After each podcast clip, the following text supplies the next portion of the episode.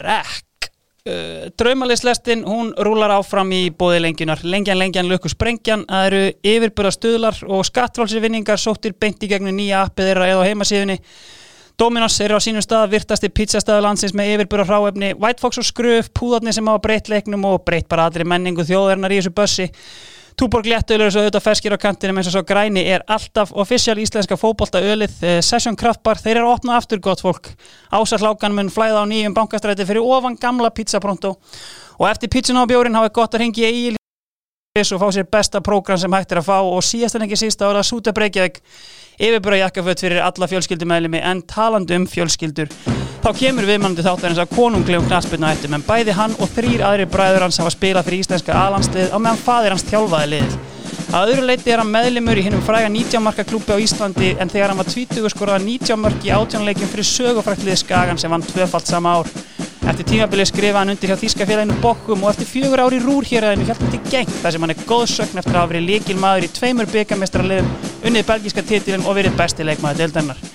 Eftir tíman hjá geng voru hlutabröðin háu í okkar manni og hann fekk stórt múf í La Liga til Las Palmas en stoppaði stutt við á Kanaríum og færði sig yfir í mekka fótbollans í Premier League með Derby County ánastökk aftur til Bokkum eftir stutt stopp hjá meistaradeildar Moise í Preston North End. Hann endaði fyrirlin í atvinnumennsku í hörðum heimi Tony Poulis hjá Stoke áður en hann kom og lauk ferðlinum við gjörbreyttar aðstæðar á Akranesi frá því hann var þar 13 árum fyrir. En heilt yfir getur hann pakkaði töskutan með brosa og vör. Hann á metið yfir að hafa skorað í flestum leikjum í röði í efstu deilt. Hann á sigurleika Old Trafford, var lengi vel eitt markaðist í leikmaður íslenskan landsleisins og spilaði auðvitað með low-key iconic súrefnisplástur á nefinu. Góðu gestir, eini Íslandingurinn til að skora í Premier League, La Liga og Bundeslíkunni, Þóruður Guðjónsson.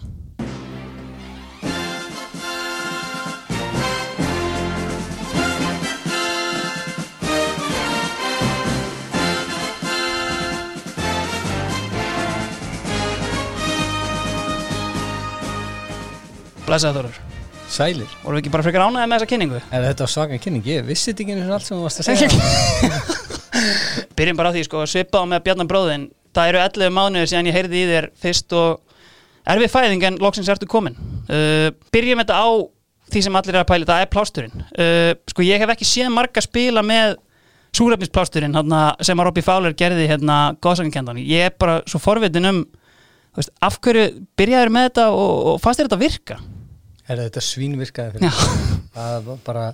Nei, á þessum árum var ég vandræði með uh, nefið á mér það Mm. er að segja, að ég var alltaf kvefaður og alltaf veikur og sló mig mikið út af læginum á mínu ferli flensur, þrísar ári og annað slíkt og alltaf með stýtbrann ég var, með, ég var hann háður ótrafinn í þetta nefsbreyn Já, já. þetta auðlýsinga Nei, þetta bara út Já, ok, ok, ok. Já.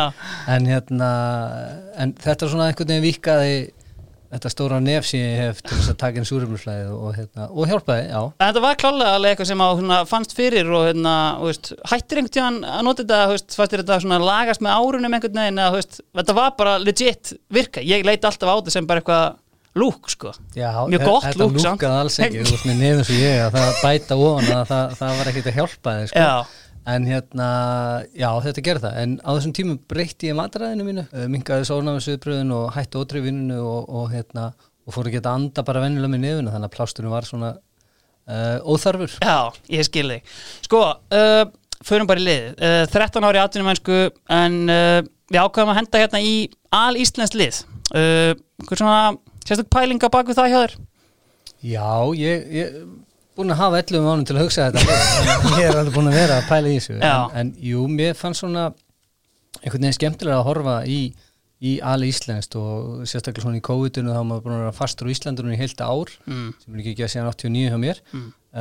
að þá svona einhvern veginn fór ég að horfa í þetta að, að þú veist,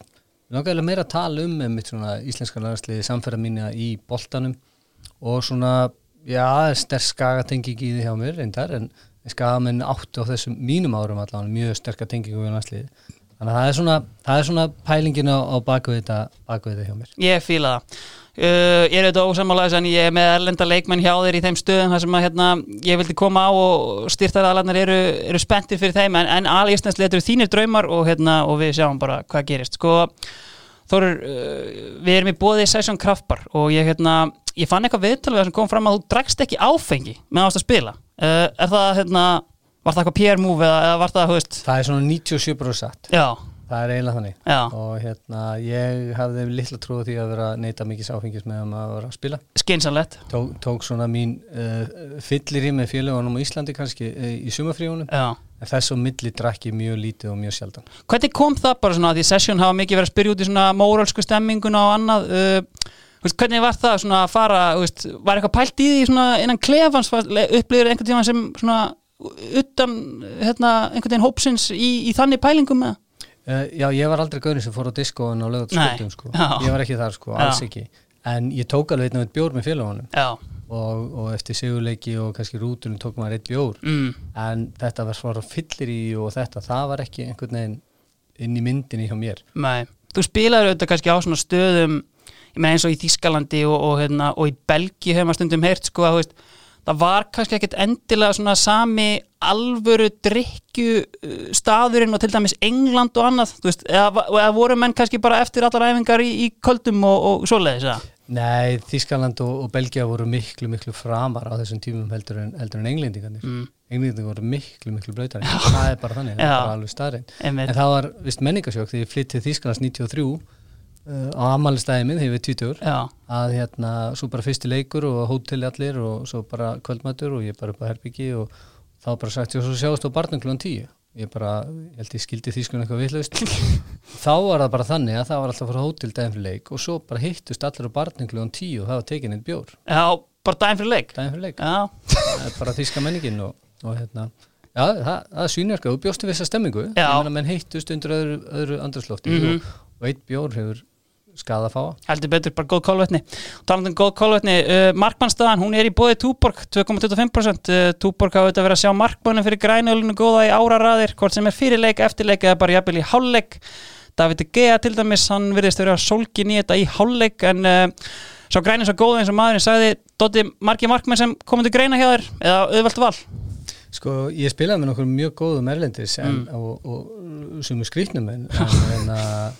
Uh, mér dættur nú hollendingur í hug sem, sem eh, var ansi sólginni bjóri sem hefði kannski passað betri í þetta en, en, en, en átningundur Ara var þarna fyrir valinu og, og ég var með svona tvo, það var hans og Kristján Fimbo og Birki Kristins Já, það voru svona tveir samferðamenn uh,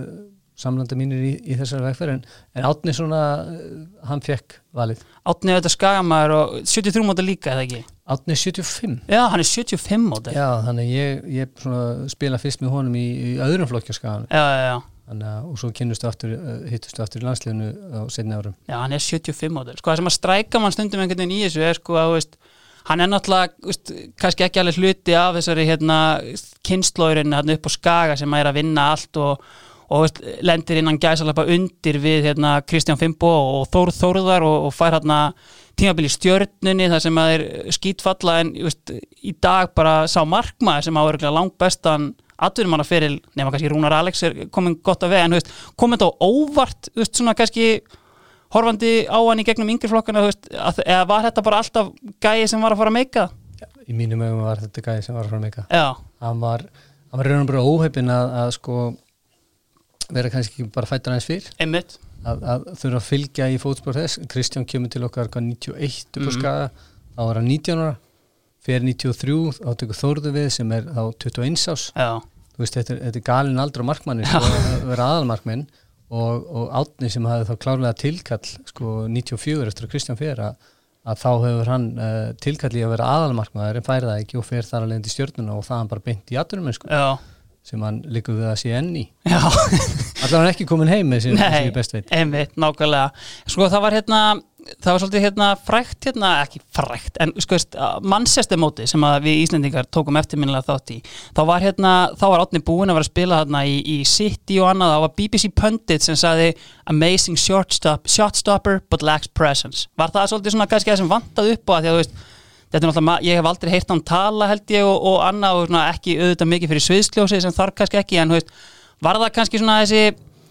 bæði kostur og galli einhvern veginn svona þessi norska lögfræði ára af markmanni einhvern veginn bara svona hvað hann var tillaður en, en þú veist, þá kannski vantaði meir upp á almennt presens Já, sko, við höfum allir okkar kost og galla og Átni hafði mjög marga kosti en ég held að þetta sé alveg spot on hjá þeim að, að hérna, Átni hefði orðið sko,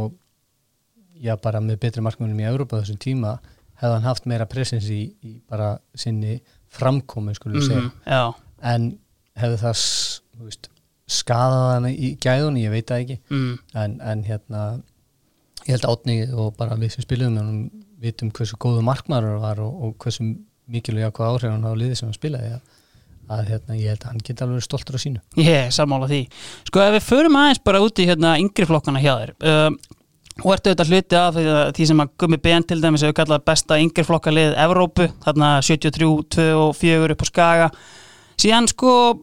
þú fer til Akureyrar uh, væntalega bara þegar pappiðin tekur við Káa, er það ekki? Jú, var svona, þú veist þú veist, var ekkert svona pælt í einhvern veginn ætti ég bara að halda mér kannski upp á skaga eða varstu bara það ungur einhvern veginn að það kom ekkert aðeins til greina ég er 14 að vera 15 þegar pappi flyttur norður þannig að það var ekkit, það var ekkit val sko já,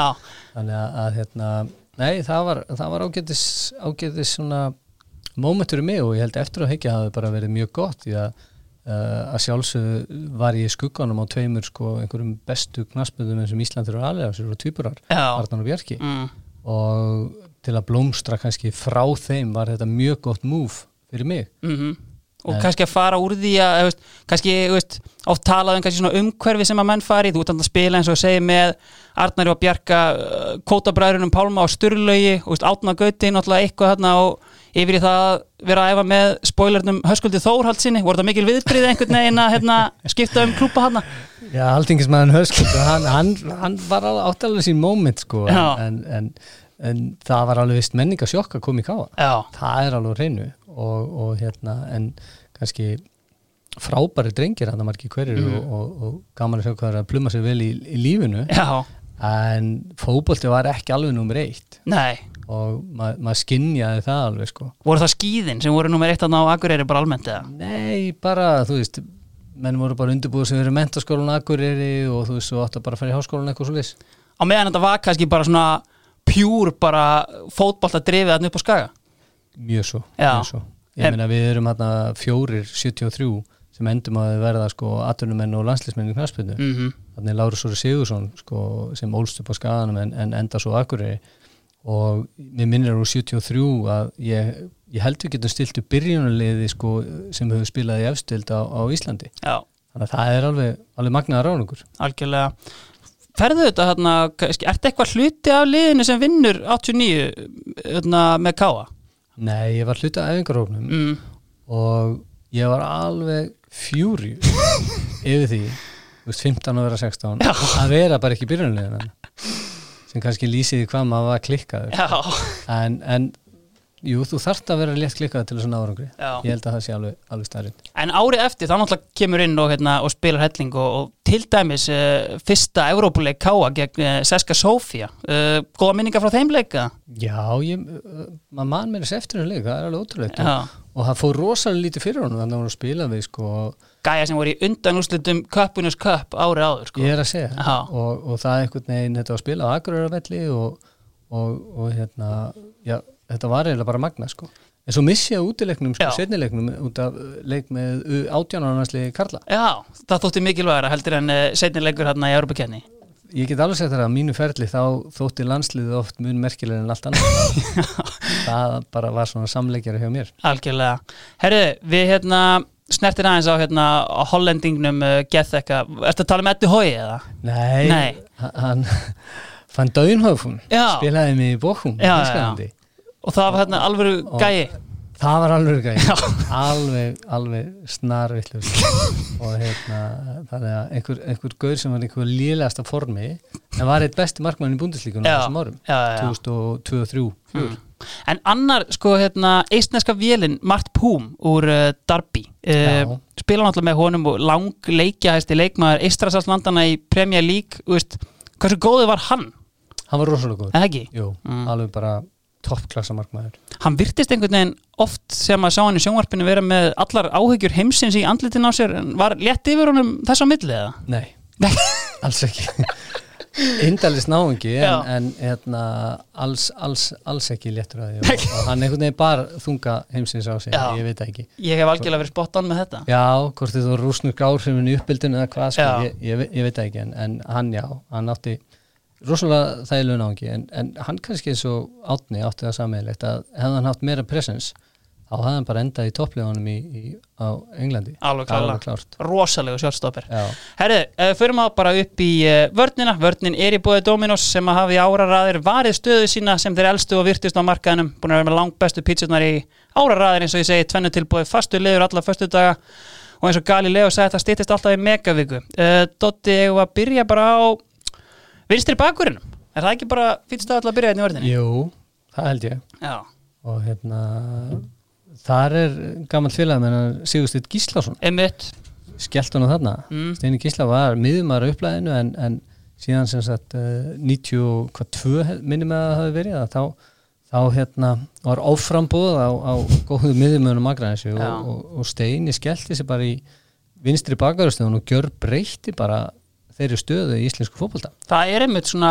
ég er náttúrulega, þú veist, ég er svona að verða uppi skrapa með umræðum Steinar Gísla en þú veist, eins og þú segir sko, þú veist, að þetta er svona gaurinn sem að býr kannski til nútíma bakgurinn hérna á Íslandi. Já, í alvegni, sko, ég meina að eitt frægasta mark í íslenskum knarspunnsögu er, er sko skallamarki hans Óla Þórður á móti fæðin og 93 og, og það sem hann keirir á boltan eins og trukkur en það er Steini Gíslason sem er höfundurinn að þeirri sókn og hvernig spilast upp þar í gegn Það sko. gleymist sko. Það er bara eins og að horfa á, þetta gæti alveg eins verið bara myndband af Cancelo bara í bakgurinn hjá City í dag sko. ángríns, Já. ángríns. Og, og það er svolítið gaman, Þeir- vinstri bakur á þessum tíma voru bara svona þeir sem ég voru örfættir og gátu hver ekki spila annars staðar, þeir Já. voru settir hann þetta var svolítið annir sko Já. Þannig að- og menn þurfti bara að passa þess að fara ekki mikið fram með miði og, og dundra fram með það og, og tækla Þannig að- Nei, nákvæmlega. Sko, kemur aftur átni upp á skagan uh, bara í fyrstu dildina það ekki, 91. eitt, jú, hvað hérna sko, 91 og 92 þá er náttúrulega hérna Arna Gunnlaugs eins og se- kemur inn á áðan þú veist, það er svolítið skugginn af honum sem að þú ert að flakka um í og, og var það bara eins og þegar þú fórst lagur er veist, hann þurfti bara að fara til að þú þurftir að blómstra síðan hérna árið 93 eða þú veist, gerðir eitthvað sérstætt þú veist, fyrir þetta tímabil, 90 marka tímabili bara hjá sjálfu þér já, ég sko að sjálfsögðu þú ert að spila með svona hágæða leikmanni, svona einhvern sem er bara out of this world eins og Já. Arnar var sem leikmaður að, að hérna, eðlilega nærið ekki að, að blómstra mm. það er bara þannig en á þessum árun læði ég alveg gríðarlega harta mér í æfingum og öðru slíku vinni, vinni sjálfur mér og bæta sjálfur minn og leik minn og hérna og það var kannski svona aðal áhersla mín á þessum árum var að skora fleiri mörg Já. að þannig kæmist ég sko vinnuframlæði, það skort ekki og allt það en, en svona ég þurfti að stimpla minn með það að, að, að skora fleiri mörg og, og ég laði gríðarlega áhersla á slúttið það er að segja bara, þú veist, ég tók 40 bolta með mér út, bara einn fyrir æfingar, haldið mér fyrir æfingar og svo bara slúttaði ég 40, 60, 80 boltum bara í tómt marki, Mm. af því að þú veist, bara æfa sig í því er, er bara grundvöldar atri sko, eh, að því að þú veist, þetta er náttúrulega þú veist, 90 marka klúpurinn og, hérna, og ert strækir hann þetta ár með bíbæsins upp á topp eh, svona setni veist, og kannski í atunumönskur eins og þú ferði bókum, ferðu þanga sem strækir, að því að þú veist, ekkert að móðga það en svona markar ekkert þið fer þú veist, dvínandi einhvern veginn svona á þínum ferli eftir að þú ferði í atunumönsku og annað, þú veist, varstu hérna, þú veist, hvaða stöðu varstu að spila svona helst kannski í atunumönskunni Í raun og veru, ég fer út í oktober uh, 94 Mm. 93 fyrir Já. og sumar 94 er ekki lengur sendir já, það er bara þannig og, og hérna, þar, þar, þar er raun og verði þessi umskipti á mínum, mínum ferli sko. fannst þér það pyrrandi eða þú veist, tókstu bara þú veist, hvað, ge- þú veist, hvað hérna, var það bara ákvörðin þjálfarans eða hérna, það er einhvern veginn þróað svolítið og, og sko, einn af kostunum mínum var það að ég var mjög fjölhæfur leikmaður, ég gæti spilað ég, ég held bara raun og veru að spila all, all, mér þess að vinstri bakur sko. já, og, og hérna ég, það er náttúrulega styrkleiki að geta spila marga stöður en á sama skapi er það veikleiki vegna þess að þá færði ekki stöðuleikan nei, það er alveg rétt sko og þú getur spila ágætlega á miðjunni eða hæri kanti eða vinstri kanti eða frammi eða miðjunni bara eða eitthvað en þú nærði ekki sama stöðuleika að þú ert að spila sömu stöðu aftur og aftur og aftur nei, einmitt, sko þetta ár 90 mörkin þú, veist, þú ert búin að jafna meti fyrir loka leikin er einhver svona mörk sem, þú- eða svona færi kannski sem þú týnir til að nú ferst undum á kottan bara, þú veist, þetta er þetta, þetta Sko ég, já, já það er náttúrulega í síðasta leikum mútu val eini markmann sem ég skoraði ekki á móti þetta ára var Bjarni Sigursson já, rosalegu leikur hérna hjá Bjarna, virtist hafa mætt bara með eitt markmið og hafa var að stoppa þetta met það var bara þannig og í raun og veru hann sko, fyrra marki kemur eftir að hann ver frá mér mestrarálega og Bíbusins fylgjur á eftir Seinna nær hann ekki að verja en bolti finnir stöngin stöngin Já, rúlar eftir línni og Haraldur Ingolfs kemur og potar honum yfir síðustu 2 cm þannig að, jújú, jú, maður ma mani þessi moment sko já ég get alveg sér til það En einmitt, þú veist, þú færð er, þú veist, er það ekki bara rétt metið hjá mér að þú veist, það, þú veist, það er að nálgast metið og þú veist, eða einhver byrjar kannski vel strækir og þú ert bara býðandi þá við síman, já, já, hvenær fara að ringja að fá mitt take hérna á þetta. Er þetta ekki svolítið hérna, þannig, þú veist, með þetta metið, það hefur bara fengið að vera frekar mikið í friði? það er sko, það er búið að vera svolítið undarfærið, Mm. mm. undarfærin ár að, að, að, hérna, að þetta er svona poppað upp en einhvern veginn virðist þetta að vera poppað upp núna hverja einasta ári Svo, núna var það COVID sem stoppaði þetta væntalega Já. ég, ég held að Lennon hefði alveg klárlega klárað þetta moment, hann var það sjóðandi heitur síðast sumar en það er alltaf einhvað og það er eitthvað ég veit ekki hvað er yfir þessu meti Nei. nú hafa menn mér þess að fjóra leiki viðbútt til þess að Já. sko, ná þessu Mhm. að bæti þetta réttar að segja þannig að ég, ég veit það ekki Forherðistu svona í því að hérna, þú veist, þegar- með fle- hverju símtalinu sem þú færið um að, sem út beðin um að hérna, óska eftir í einhver sláa meti svona, "Eh, ég vil halda þessu meti eða þú veist, ertu bara, þú veist, farið að slá ég, þetta Ég, sláði þetta, Þú- þetta eh, Met gang út af það að einhverju komi og geri betur, Já, það er bara þannig og, og það er að mínu viti þú veist, það hlýtur einhver alltaf að stíga upp og klára þetta já, það getur ekki annað verið Sko, uh, Erlendur Vinstri Bakur ég sá að í Las Palmas þá spilaður með Robert Jarni uh, Já. Var það mikill höfðingi eða? Herru, við áttum góð moment saman með Já. Við endum á því að setna ára mitt í, í Las Palmas að, að hérna, vera dæmdir út úr liðinu. Það er að segja að Las Palmas var reynur bara haustinu því ég kom áka Já, og, og það átti svona þetta að losa einhverja fimmarn og átti að banna okkur að, að hérna, æfa já, með liðinu. Og Það var, það var mjög skemmtilegt. Já. Við vorum að einhverju fjóru-fimm. Nefna að sko okkar samneiti gekk meiri gegn lögfræðinga hans um að við fengjum að æfa með liðinu heldur, heldur en einhver annar. En Jarni var ágætið snáðingi en, en hann, hann svona eins og króatum hættir til eða bara fólki hættir til, ég ætla ekki að taka króatan út úr þessu Nei. en það, en með ná miklum árangri og hann var í náttúrulega hörku króatísku landslið á þessum árum og er að spila í Real Madrid þú veist, eðlilega fara menn svona aðeins að láta regnirbyðu niður á sér já En var hann góðu leikmaður? hann var hörku leikmaður Já, en hann var einn af þeim það er svona staðfesti mín að trúa því að, að sko það eitt er að hafa einhverja svona þekkingu undirrikjandi hefni, annað er það bara að leggja ógeðslega mikið á sig og hann er svona ein, einmitt mjög góð staðfestingu á því maður sem læður bara gríðarlega mikið, mikið á sig já hljóp og hljóp og hljóp og hafði svo öflöðan vinstri fót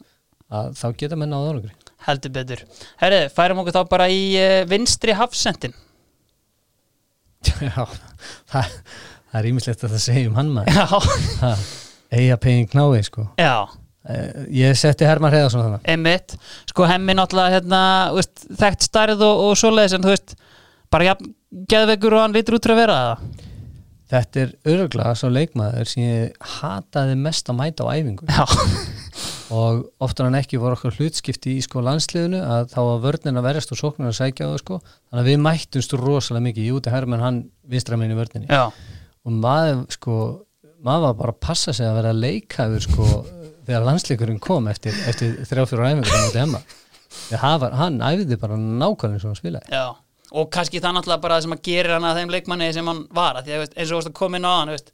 hæfileikarnir er kannski ekkert klikkaðir en þú veist, ekki á pari við það að eiga 400 leiki í premja líka eitthvað svoleiðis. alls ekki, Nei. alls ekki bara, bara langt í frá en ég meina, hemmið var alltaf sko hann, hann komst allir í annan flokkinu í BF sko Já, hann, hann var alveg þar sko mhm. en svo stekkaði hann, stekkaði rætt hann eftir, eftir 16 ára aldrun og einhvern veginn nær því moment inn í sinn leik að, að vera bara með olbóðan og hnén út um allt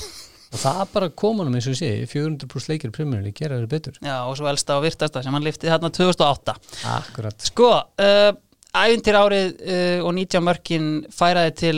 Bochum. Uh, þú varst, uh, ef ég sá rétt, eitthvað búin að fara hann til Stuttgart uh, áður. Uh, var Bochum bara eina sem kom til greina hjá þér? sko á þessum árum var gríðarlega erfitt að komast út Mm. það máttu vera þrýr útlendingar í hverju liði í Európu og, og hérna, oftar en ekki voru þetta kannski einhverju austantelsmenn sem voru konur þrítugt eða eitthvað álíka Mm uh, ég fyrir til Stuttgart einfallega vegna þess að Arnur Bjarka var búið ángað 92 Já, og, en í millitíðinu bara okkur til það er að gerast og kaupi fæinóta og þeir hoppa á það mm. bara fyrsta, fyrsta vagnin sem kom og, hérna, og ég fekk einhvern veginn svona að, að slæta í staðin til Stuttgart laumaði mér á flugmiðunum þeirra þangað já, Þannig að það var svona mín fyrstu kynni, svona alvöru kynni á þessu. Ég hafði fengið reyndar áður bæði frá Belgíu og Skotlandi mm. eftir hérna drengjalandsliði 89 í, í Englandi Mm en manni þótti mann bara að vera 15-16 ára og ungu til þess að fara. Já, en svona, þú veist, uh, þegar bókum kemur hérna ringjandi, þú veist, ég sá eitthvað um það sko að hérna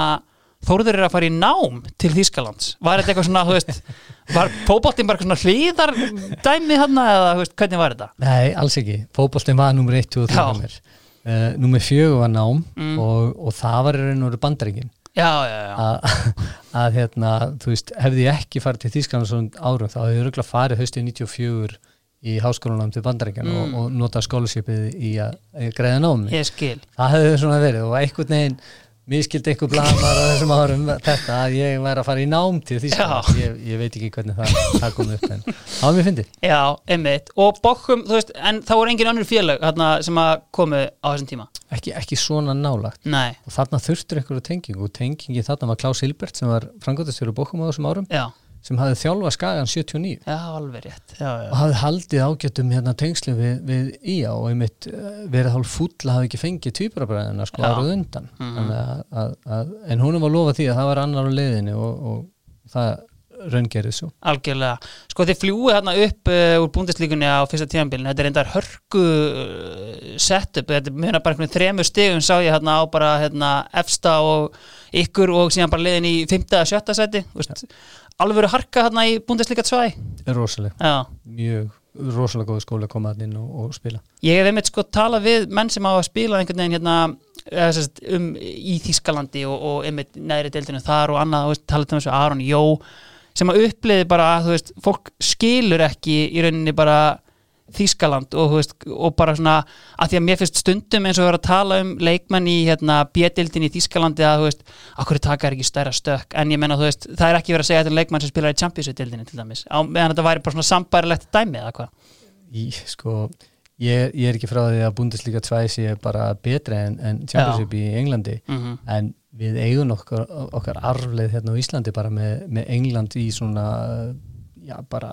það er bara í smásinn okkar og við þekkjum það bara og, þe- og það er einhvern veginn að mest og besta Já, þannig að við skiljum þetta ekki alveg hvað er í gangi að Þískalandi mm þannig að en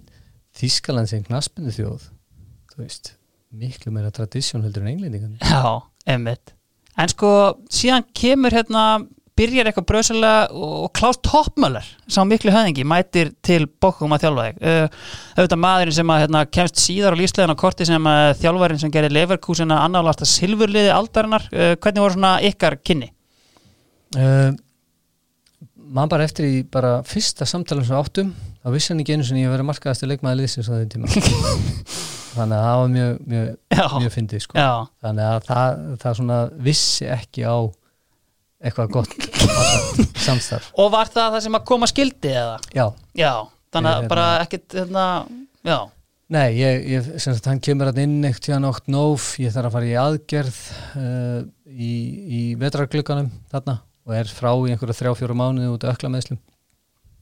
og það var mjög að brattan að sækja fyrir mig eftir það já, uh, kem þó inn í, í lok þess tímabils og, og, og held ég spili bara einhverja fjóra af mínum bestu leikjum í, í búndislíkunum þarna mm, uh, og hérna tvisar í liði vikunar í kikkar og eitthvað svona sko já, og hérna ekki ómerkarinn maður en, en, en Dunga, brasilíski fyrirliðin sem ég jarðaði hann í einu leik sem Já. húnum 4-0 og hérna þannig að það var svona, það var svona gómaðum fjallum mm, og átti svo mjög gott tímabil í anvardeldinni árið eftir einmitt, það sem ég spilaði sko eða nýri stöðu það sem ég var bara miðja miðja já, og hérna og vorum við léttlíkat og skemmtilegt lið sem að, sem að flög upp aftur sko Já, einmitt og bara svona, þú veist kom það á óvart síðan setna meir þegar toppmálið var mættu til Leverkusen eða, þú veist, háðan eitthvað til brunns að bera sem þjálfari já, þetta var hörku þjálfari Já, hann var gríðalugur motivator mm, en það sem hann gerði sem kannski margi, gerð, margi þjálfur gera er að þú veist hann var með eitthvað kjarna hryggstikki, 7-8-9 leikmenn sem bara spiluði nóma þetta vott já og það var rosalega erfitt að komast fram hjá því mm -hmm, það var bara þannig mhm. þannig að ég var svona ég var rosalega mikið í honum 12-13-14 Já, skilði Hver er síðan með hemma hérna í hafsendunum? Herðu, það er, það er æskufélagin, skólabróðurinn og, og herbyggisjónin landslinn, Lárus Óri Sigursson. Einmitt, sko, ef það er einhver sem hefur tekið lengri tíma í að koma hérna heldur en þú þá er það Lárus Orri og uh, akureyringar liggja á mér að fá hann í þáttinn við erum að reyna að vinna í þessu en eins og þú segir, sko, Lárus, ég er ekkert vissum að allt og margir vitið að hann náttúrulega er bara elur mannin hérna upp á Skaga Já. og hérna, er þar bara hvenar fer hann síðan norður eiginlega? Ég held að hann fari bara 89-90 Mm norður. og þetta er einmitt bara svona gæi síðan í setni tíð sem að bara svona, þú veist, hannaður fyrir bara, hérna, high level championship eða low level Premier League Algjörlega, Mm. algjörlega. Skilaði sínu þarna, lendi í mjög erfiðu meðslum á, á ferlunum og hérna, en, en skilaði sínu þarna og er, er bara algjört legend í þessum liðum sem hann Mhm. spilaði í, sko. Algjörlega Sko, ef við förum kannski aðeins út í erlendu hafsendana uh, Ég var með Bjarnar bróðin hérna og, og hérna, þið spiluðu með uh, hafsendinu Taribo Vest uh, Bjarni var ekkert sérstaklega hérna, góðorðir í hans garð en svona, þú veist, þú spilaði með hann kannski aðeins fyrr þarna, hvernig voru, hvernig voru hæfileikandi þá? Herðu, við, við sko, þe þetta er einhver fyrðulegastu bara maður sem ég kynst á ferlinum. ég er ekki gríðan, við byggum saman sko, hann var á láni, ég man ekki hvað hann var Júmentus eða Inder, eða Inter, eitthvað, já, já, sko, og hérna kom hann í derbi sko, byggum saman á hóteli já og hérna ég bara já, ég á eiginlega bara ekki orð sko, við vorum báðir einir, fjölskyldunar er ekki með okkur einhvern veginn þannig sko og svo sem sagt er eitthvað eftirminnasta moment í, í þessu skrýtna ferli oft hjá manni er að við erum einhvers staðar að, að hérna, hóteli fyrir leik þá stöndur hann upp maður sem eiginlega sagði aldrei neitt í hófnum og predikaði og ég er ekki að segja að hann held ræðu hann predikaði fór bara með Guðs orð í svona 20-25 minútur um það að Guð hafi sendt hann til Derby County til þess að bjarga þeim frá falli Já, og hann, hann trúði þessu hann trúði þessu einlega svo unnum við leikinn daginn eftir já, og þetta var út á móti Master United já, á Old Trafford. og þá hvarf hann það, það var sem sagt svo leikur einn leikur eftir, hann Já. hvarf já, bara búið með sitt hann var búið með sig hann hvarf og hérna það er eiginlega ekki, það var eiginlega pípa það sem fann svo á sko hótelherbyggarnas þegar, þegar hann fór sko Já, já, en, en svona fyrir þá sem kannski fatta þá þrýfótur og kvikmyndatöku vil og rúm Já, einmitt Herðu, hérna uh, Taribo Vest þannig að ef þú hafður einhverja skrýtnar hugmyndur um það þá, þá vestnuðu þar Já, Í rauninni sko Síðan var annars sko hérna sem spilaði með eh, held ég hjá náðuru Colin Hendry í Preston eða? Já, var það ekki alvöru proper hafsend eða? það var að að gamla skólanum Já, algjörlega, einmitt. sko, og einmitt ég, við vorum herbyggsvílar Mm? og hérna, þetta er fyrsti maður sem ég kynni sem borðaði ekki mat Jú hann bara tók vítamin ég hef aldrei, ég hef bara, hann var orðinn hvað 35 ára eða eitthvað þarna á þessum tíma sko Já og var svona að klára og hann var hættur að bara mat Ég hef mitt heyrt sko um þig að þú sért mikill svona mataræðiskall og hafi verið á, á sínum tíma Fasti þetta áhugaverð nálgun á hérna á, að halda sér í standi eða? ég, var- ég var nöðböð til þess að breyta mínu mataræði bara út af helsu Já og hérna en, en þetta var eitthvað sem ég fannst bara alveg stórskrýt ángrín sko, ég, ég hef ekki getað þetta Nei fyrir utan það bara að þú tekur bjöfitamin og fastandi maður þess að þekkja það, það, Já það enda bara í dollinu Já, nei, einmitt, sérstakur náðungi Herru, uh, hægri bakurinn Já, það er, hérna, það er ekkert margir sem búist við þessu en, en ég varð að setja hana, það er Bjarni Guðjónsson Já, einmitt sko, Þannig Hann sagði við mér að þetta er vantilega frá tíma ykkar í, í geng, kannski Já. Það sem að hann er hérna spænandi upp eh, í uh, fimmana varnalínu einhvern veginn Já. Og bara hérna, var það staða sem hann hefði kannski geta gert meira að sinni á ferlinum með Algjörlega, sko, Bjarni var á góðri lið þarna á þessum, þessum árum að þið geng að við erum að spila svolítið 3-5-2 Já, og hann er að koma inn í þessa vingbakk stöðu sem samt breytist í bakarastöðu. Hann kemur til geng sem sendir frá Newcastle já, eftir hvað eitt og halvt ár þar eða, eða eitthvað álíka. Þannig að þetta var svona, já, líkil staði fyrir hann. Hann fer enda svo til stók í kjölfarnu og fer á hægri kanti þar mhm, mm sem hann plummaði sér mjög vel í. mhm þannig að, að hérna, Bjarni sko smá hefni á þessum árum þá hefði hann hæglega geta endað inn í sko búndislíkunni sem bara vingbakk af því að þjóðverðarnir voru mjög gjarnan að vera með vingbakk á Já, þessum já. árum að hérna, það var svona hefði pappi gjórið þjálfur í stók og púlaðan til sín að, Já. að þá hefði hann alveg þú veist, eitt, tvö ári geng þá hefði hann endað þar sko pæling bara með svona, þú veist, ykkur þrýr albræðnir, uh, Bjarni, Þóruður, Jói, svona, þú veist, ef maður horfir í ykkur unga, svona, talentlega séð og svona, þú veist, múvin, þú veist, Bjarni ungur, er það mesta talentið með að hann er hjá Newcastle og, og annað? algjörlega, Já, langmesta já, og svona, þú veist, en svona heilt yfir, ég spurði Bjarni, uh, spurði líka Jóa að þessu, þú veist, svona, þú veist, hvar eru mestu fótboltahæfileikandir? eða Bjarni líka, Er það? já, já Já, en það, maður sér það líka sko á, á hans leik sko, hann, hann er sendir og svo er hann uh, kantmaður, bakverður, vingbak hvað allt kallan uh, kemur svo heim og bara tekur kongahluturkinn á miðinni já, fer ekki út um miðið í hringnum og, bara, þú veist, hann var örfljótur, ör, bara rosalega fljótur sendir á yngra árum bara stakk alla á og skoraði mikið og grimt og hafði uh, góðan leikskilning fyrir kantstöðuna og svo tekur hann bara djúpa kongstöðuna á miðinu og bara spila það bara eins og fáir hafa gert á Íslandi Það er hárið rétt. Sko þið spilaðan allir saman í, í geng, uh, þú fer frá bókum til geng, svona, þú veist, skref niður á við að einhverju leiti fyrir þig á ferðinum, svona hvernig leistu á þetta move þegar þú varst að taka þetta? Já, þá, þá var, sko, var ég að klára bara mjög gott tímabil með, með Bochum og, og það er reynda besta tímabil í sögu Bochum held ég, við komumst í Eurokeppni Já. og það slíkt. Uh, mér fannst ég ekki vera, þú veist, mér, hann er í 23-4 sko, mér finnst ég ekki vera fá þann sko sess í mínu ferli að vera þessi 12, 13, 14 Já. ég þurfti að spila Mm uh, geng kemur hann inn, vissi ekki um þetta fekk strax sko tilfinningu samt Já, bara fyrir þjálfarunum Amy Antunis og bara einhvern veginn í klubnum þannig að, að hérna, já, bara ég, ég fór að hann kerðið þangað þetta er einhverja 200 km frá bókum já. og strax bara, já, ég ætla að gera þetta Hvernig svona bara, þú veist, fílaður þið í Belgíu bara og annað? Ég fengi þetta nokkra sem hafa verið svona, já, ekkert sérstætt, en þú veist, fílaður vel að búa þarna og annað? ég, ég, þú veist, ef ég ætti að velja hann í dag þá myndi ég örugglega flytja til Belgíu Mm Og ég meina þetta er væntanlega svona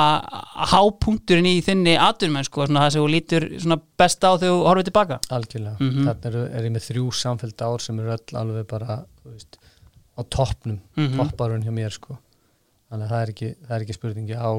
þarna, uh, sem sagt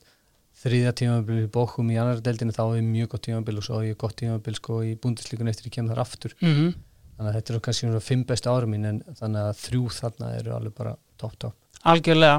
meina það síðar uh, sko, uh, fjartálum.is við erum alltaf í, í bóði þeirra og Egil hjá fjartálum með langbesta prógramið, uh, hann hefur svona verið að spyrja viðmælandur út í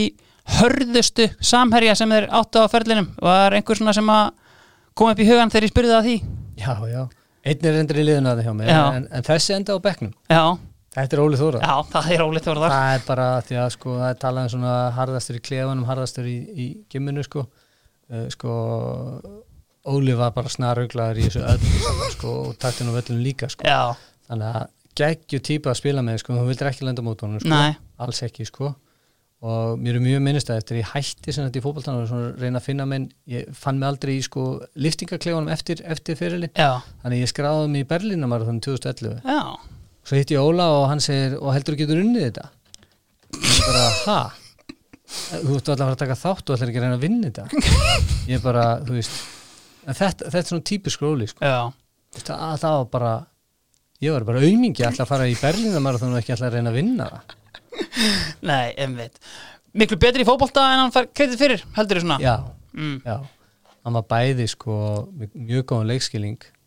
og, og hérna náttúrulega fyrir utan hvað hann fylgir sinni hann var líka bara virkilega góðu sendingamar og góðan hægri fót Mm en, en karakterinn hans hversu, þessi, þessi rísa stóri sigur vilji þessi þrautsegja og, og, og það náttúrulega dró hann alveg gríðal áfram og, og fyrir okkur sem fengið að spila með honum bara ómetanlegt Algjörlega. Sko, færum okkur þá upp á miðjuna. Uh, miðjan er í búið White Fox og Skruf. Það eru auðvitað bestu nikotínpúðarnir í leiknum. Yfirbúra blanda sem menn hafa kokkað þarna og sett ofan í kottana góðu. Allt bössið, ekkert bakk og engin óhreinindi og ekkert vesen. White Fox og Skruf, þeir allra bestu. Aðri reyna að nálgast en eiga ekki sjens. Sko, þetta er fjóri, tveir, þrýr, einn. Ef að byrja bara hérna á neðri tveimur á miðjunni. já, það er hérna sko þarna er ég með tvo skagamenn Já. tvo landslísmenn, tvo aðdurumenn Mm og ólíkir, enga síður en, en, en báði tengdu með fjölskylduböndum og, og fyrir ætlaði að nefna Sigur Jónsson, mm Mhm. Jóns sem er einhver já, bara einhver mesta legend í okkar, okkar heimi mm -hmm. ég set hann þarna djúpar á miðjuna vegna þess að sko, þessi staða er staða sem að fáir hafa leist í að bila hann Mhm. sem var eiginlega svona svýpir fyrir framann vörnina því að hann datt bara inn í hafsindana sko milli Lárus Rór og, og Hermanns svýpaði vörnina þarna á þess að þú að vera eitthvað svona eins og Lóta Matteus hérna á árum ári Já. eða, eða Mattia Sammer Já, sem svipuðu fyrir aftan sem meira. svýpaði aftan Já. sko en Siggi steg upp fyrir vörnina sko og styrði þarna vörn og miðju alveg bara eins og herfóringi með sínar sendingar og annað slíkt þarna að- að þetta er bara svo staða, hann bjóð hana til og enginn hefur getað spilað hana eins og hann spilað hana Þetta er einmitt svona að því á þessum árum hátti náttúrulega með miðjumenn sem að eru yfirleitt bara svona, þú veist, annarkvort harðhausar eða, eða sókna miðjumenn en þannig ertu komið með hennar nútíma bara Sergio Busquets einhvern veginn hann bara, þú veist, 30 árum áður en að hann kemur sko. Já, algjörlega. Eins og ég segi, þetta, þetta var stað sem var ekki til á þessum árum. Einmitt. Þannig að það var mjög, mjög gaman að sjá hvernig Siggi spilaði hann og, og sérstaklega landsliðinu, Náttúrulega í skagaliðinu og svo fer hann erlendis aftur Mm. eftir, að, eftir að hann tekur þarna upp á skaga. Þannig að en Siggi náttúrulega ótrúlegur. Ég, ég held að hann hafi aldrei klæðist í að pegin treyjunni á þess að vinna titil. Nei, einmitt, ég held að sem sko, menn hafa ekki enn fundið kallmann með herra uh, sigur hlutfallin á KSI.ri sko. Akkurat. þannig að þetta er hérna ótrúlegt sko. og hann er kannski svona þú veist, einn af svona stærri what ifs uh, sögum í rauninni þú veist, eins og bara þú veist, maður sem hefur átt 13 ári í atvinnum sko, þú veist, var hann alveg þú veist, þú veist, ef þú pæri bara svona í levelin og annað þegar maður þú sást þarna þú veist, bara 100% á pari eða yfir Hann var það. Já, Hann, hann sko, hann náttúrulega gríðlega óöfum með meðsli. mhm En, en Siggi er auðvitað mesta náttúru talent sem hefur komið upp á, á Íslandi. algjörlega og hver er með honum síðan hann á miðinni Herru, það er, það er litli bróður, Jókali. einmitt Það ég, ég gati ekki annað að setja hann hana, en, en hérna, jú, jú, við fengum, við vorum saman í geng og við vorum nokkra landslíki saman eða nokkra sem við landslíksófnum en spiluðum alls ekkert marga leiki saman saman mm en, en hérna, náðum aldrei að spila saman nýja samt. nei Það, er, það var óhefilegt já, en hérna já, mér, mér finnst Jói Jói er svona þessi dugnaða fórkur með þetta skaga element Óla Þórðar element, Sigga Jóns element að, að hérna, gríðala fylgja sér og þrautsegin og annað slíkt en, en hafði líka þennan mikla leikskilning og, og gatt skorað ótrúlustu mörg því að ég meðan bara þegar hann kom til okkar sko í, til- til Belgíu í, í ágúst 98 að hérna er svona á, á æfingum hjá okkur og þegar þau kom inn og segja mig þetta er bara örugglega skotfastin maður sem ég sé Já. sagði þjálfarinn. og þá var hann nú 62 ára sko Já. þjálfarinn. og ég bara var eiginlega ekkert að spá því sko Nei. Þannig að ég horfði aðeins eftir í daginn eftir á æfingu hvort hann væri svona og það var bara það, það, lin- það er ekkert margir sem geta skorað með förstu skoti fyrir aftan miðju nei, heldur gat það. betur ekki en sko, veist, þetta er einmitt svona eh, pælt í þessu sko, veist þú þetta kemur kannski upp uh, út svonur gauja og allt svoleiðis en kannski fyrir Jóa að þú veist yngsti bróðurinn af ykkur þremur þið búinir að hitta ground running komnir í aðturum eða sko annað kannski verið smá erfitt einhvern veginn að því að þú veist eins og ég sá einhver viðtali við pappikar veist, menn voru ekkert á því að þú veist, þú veist, Jói væri neitt annað en bara þú veist, hluti af einhverju fjölskyldu keði og þess vegna væri hann komin í atvinnum en sko annað en þú veist, var þetta eitthvað svona þú veist, sem að heldur hann hafi eitthvað pælt í þessu eða verið bara skýt sama og, og með þetta erum sín gæði Ég held að þessi blanda beggi hjá, báðu hjá honum því að hérna, hann, var, hann var svolítið þannig að hann hlustaði og svo var hann bara skýtsam og gerði sitt Já, en það sem Jóum á eiga og, og það sem hann, hann, hann spilaði svo rosalega mikið á sínu styrklikum og það fleitir hann langt þannig að, að sko liðin sem hann hefur spilað og leikinni sem hann hefur náð eru náttúrulega bara að tala, tala fyrir sig heldur betur þannig að, að hérna þú veist, þá voru margir með miklu meiri gæðin hann og miklu betur hópaldamenn sem náðu ekki helmingnum með því sem hann hefði Nei, einmitt Sko, uh, það er eitt hérna moment sem að mér langaði til að bera undir því og það er hérna í tengslum við kannski svona annan svona djúpan miðjumann sem var einnig góður á boltan uh, Þú spilaði náttúrulega með hérna Söndegi Ólisei uh, í, í Bochum og hérna og það, sko, Söndegi Ólisei kemur hann til Bochum uh, og er lendir þetta í einhverju brasi við annan samherikar uh, Fahit Hashemian uh, Indriði Sigursson snerta eins á þessu en varst þú hann á æfingunni þegar hann skallaði hann hann og allt sögð upp úr það? Er þetta gerist í leik? Þetta gerst í leik Þetta gerist í búndislíkunni Já, og málið er það að ég var að spila hann leik og, og hérna síðan ei, á einhver orða skipti sín þeirra á milli já, það var eitthvað sko og, og, og þetta er svona kannski ólíki menningar heimar að mætast já, það sem er svona einhver virðing og eitthvað svoleiðis er, er á bara einhver öðru stíi en við þekkjum mm Mhm. bara viljum kannast við ekki nema að, að ég sé að, að Íranin fæði það sem henn hleypur á stað þegar dómarinn fluta bara hleypur í átt að klefanum og þá tekur bara Óli sig ströyjuð eftir honum og ég sé þetta þannig ég fer að því ég er svona íttið maður þessi burtu þarna inn á, inn á vellinu þegar þetta, þetta atvik kemur upp já, og ég er rétt að koma hjá klefanum þá skellur hún í lás og svo heyri ég bara öskur og hérna og lema hörðan þá kemur nuttari sem var hann inni og opnar og þá stökkuðu þannig þrýr á Óli sig að draugum hann bara ofan að, að sé minn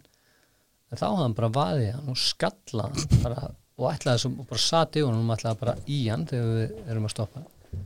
hann ætlaði ekki að stoppa þetta sko nei Guðurinn hann, hann nefbrotinn og alblóður og, og hérna, það var eitthvað bara, og það eru tvæskiptum ekki hálfleik það er meittuleik maður og annar sem er brjála þannig að þetta er svona, þú veist þetta er þessu ólíka menningar heima sem Já. er að mætast þannig Já, en tveir leikmenn sko, þú veist, bæntalega sko líki leikmenn í liðinu á þessum tíma, þú veist, hvernig settlar svona mál? það var ekki sérlega, það er svona djálfsvið þurfti að fara Já, Þa, það var þannig, það er einu að þetta gekk ekki upp sko. nei, Nei, það sé mér, hann var einn- einn besti senturinn hann og, Já. Mhm. og, og enda svo að verða hvað markaðastur í, í deildinni og, og fara þarna áfram og enda jafnvel inn í bæði munnkjum mm Mhm. -hmm. og það ekki gengið upp hjá hann sko, en, en Óli sig kom þarna sko, nýkomið frá Juventus og Dortmund og þú veist, eitthvað Champions League og eitthvað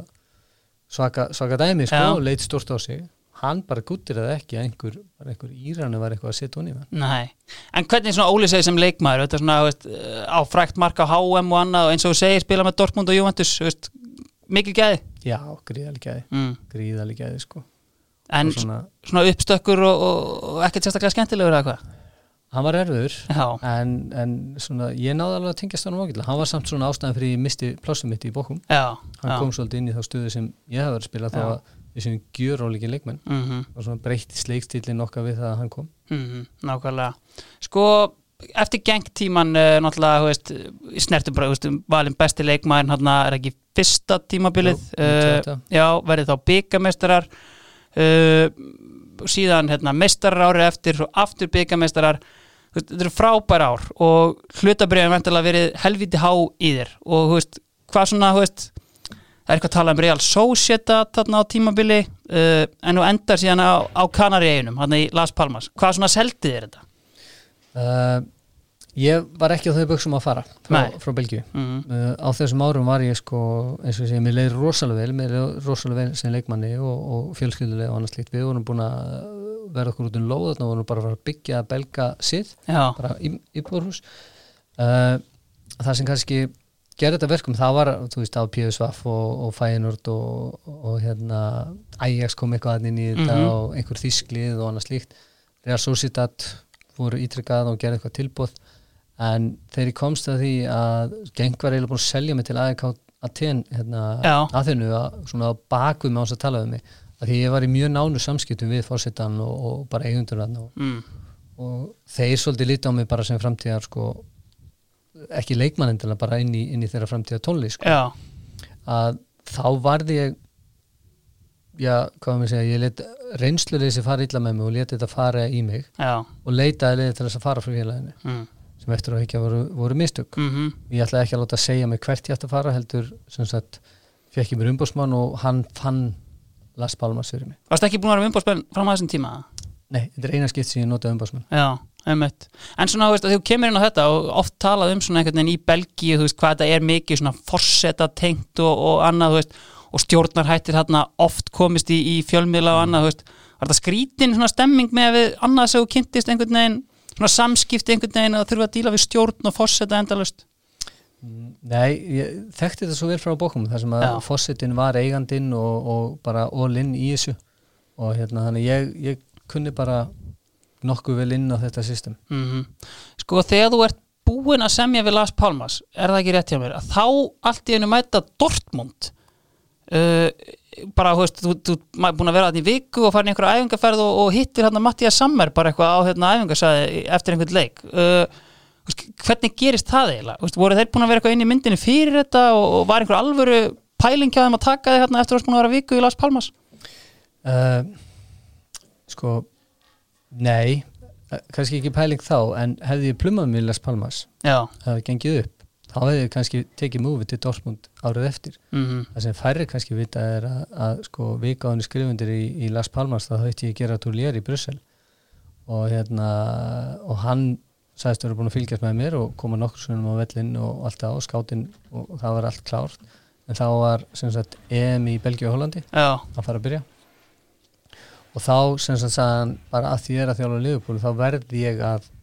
geta sagt þú veist að ég horfði á EM og keipti leikmanna EM já ef ég finna hann ekki þá ert þú leikmanna sem ég ætla að taka Mhm. og hérna svo bara eins og ég segir pressan var það mikil að hvorki geng nýja ég kannski einfeldi minni voru tilbúin að býða Mhm. kannareyjar og, og laga líka hljómaði spennandi og liðbúlu að vera mitt liðu alltaf Já. kannski, kannski trúðum maður ekki á það að það hefði ekki orðið Nei, en, en hérna svo endaði Liverpool að köpa Danny Murphy í staðin já Einmitt En svona síðan, einmitt, kemur inn á þetta náttúrulega, veist kannski plummar því rauninni ekkert þarna í, í hérna á kanaregjum og veist, eitt sem strækaði mér náttúrulega og veist, það sem ég pældi helst í sko er að veist, kanaregja er náttúrulega í Afríku eða kanarregjar og þú veist, ég meina veist, útilegur er vandalega lámark þryggja tíma flug, Þú veist, þetta er vandalega verið djúvillig líjandi talan ekki um þegar menn eru bara á bekknum þetta var, þetta var mjög rauð tími og ég sem betur fyrir áttaði með fljótlega á því að þetta var ekki lífið sem ég myndi vilja lifa mm það voru æfingar þarna nánast alla tvisur á dag og það var eftir sko hálf nýju nýju mótana og svo kljóðan áttu kvöldin Já, og menn verða að verða síðastuna þarna já, já, það bara síðast að maður bara tekin hálf tvö og svo við fjóru tíma það er ekkert grín og svo var bara aðeins borða og svo var æfingu og svo bara kvöldmættu klukkan 11 um kvöldi Já, þetta var bara ekki lífurni sem ég var að, að fíla Nei. og útileiku þýtti við fjóra dagi burtu já, fórst á föstarsmótni á æfingu og þú komst heim á mánundi, mánundskvöldi já og þetta var svona, já þetta var alveg mjög langt, þetta er eins og að búa bara í Reykjavík og spila í, á Englandi sko. Já, þetta er ekkert annað sko. nei, einmitt Þannig að- en síðan sko einmitt hérna þú veist, þetta er eitt til tvei leikir í byrjunarliði og annað, þú veist, þú kemur þarna sem bara eitt dýrasti leikmaður Lars Palmas frá upphafi, þú veist, ætti það ekki að gefa til kynna að, já menn fengi allavega kannski fjóra-fimm leiki í byrjunarliðinu eða þú veist, hvernig svona, þú veist, hvenar áttaður þið á því bara, herrið, þú veist, bara, þú veist óháð svona, þú veist, menningar sjokkinu og svoleiðis, bara, það er enginn að fara að nota mig hérna. Uh, í janúar það ár Já. ég, ég sem sagt ég lendi í- lendi því að svona, ég er að koma mér inn í ég spila undirbúinustífambilið af miklum krafti skora slatta mörgum og, og er bara að fíla mig vel Mm. uh, byrja svo ekki sem var svona vist, vist sjokk Mm en það var bara því að við eiginlega spilum ekki með framherja Já, og eða svona framalíkjandi menn Já. eða svolítið varna sína já, uh, kem svona aðeins inn í en, en, en hérna ekki samt að næja að festa mig meiði svo í leikum múti Barcelona já, sem ég reynda að dreymir ennþá að ég klúðraði fyrir opnum marki Já. ég tapaðist 1-0 og hérna er frá í einhverju sjö vikur í kjálfæra því já, kem inn aftur eftir áramót og svona við förum hérna í tíu daga útileikjartörn þar sem við áttum tvo útileiki og eitt byggalík já, við vorum tíu daga burtið en í byrjun januar og þar lendi ég því sem þetta í öðrum leiknum þá er ég ekki í sem sagt átjumanahóp, já, endi upp í stúku þá sagði ég, nei, þetta er nú, nú er komum gott sko. já. þetta er að fara í hináttina Já, emmitt. En svona, þú veist, almennt bara, þú veist, var það skemmtilegur hópur þarna, þú veist, komst eitthvað inn í spænskuna eða þurftir þess til að hérna, tengja við leikmenn eða, þú veist, ég, ég hérna, var mjög fljótur núna á fótbolta spænskunni mm, og hérna, geti ennþá bjarga mér á veitingastöðum og svona aðeins rifist við leigubilstöðum Já. eða- eða svo byrju við já, en hérna, nei, alls ekki þetta, þetta þú tengdist engu ég reynda að spilaði með skemmtilegum gauraðan að vinni samvegs emmitt, og hérna, við náðum ágætlega saman en hann var svona hann var svona típiskur englendingur sko, einhvern veginn fór kanarið þá opnaði hann náttúrulega sportbar já,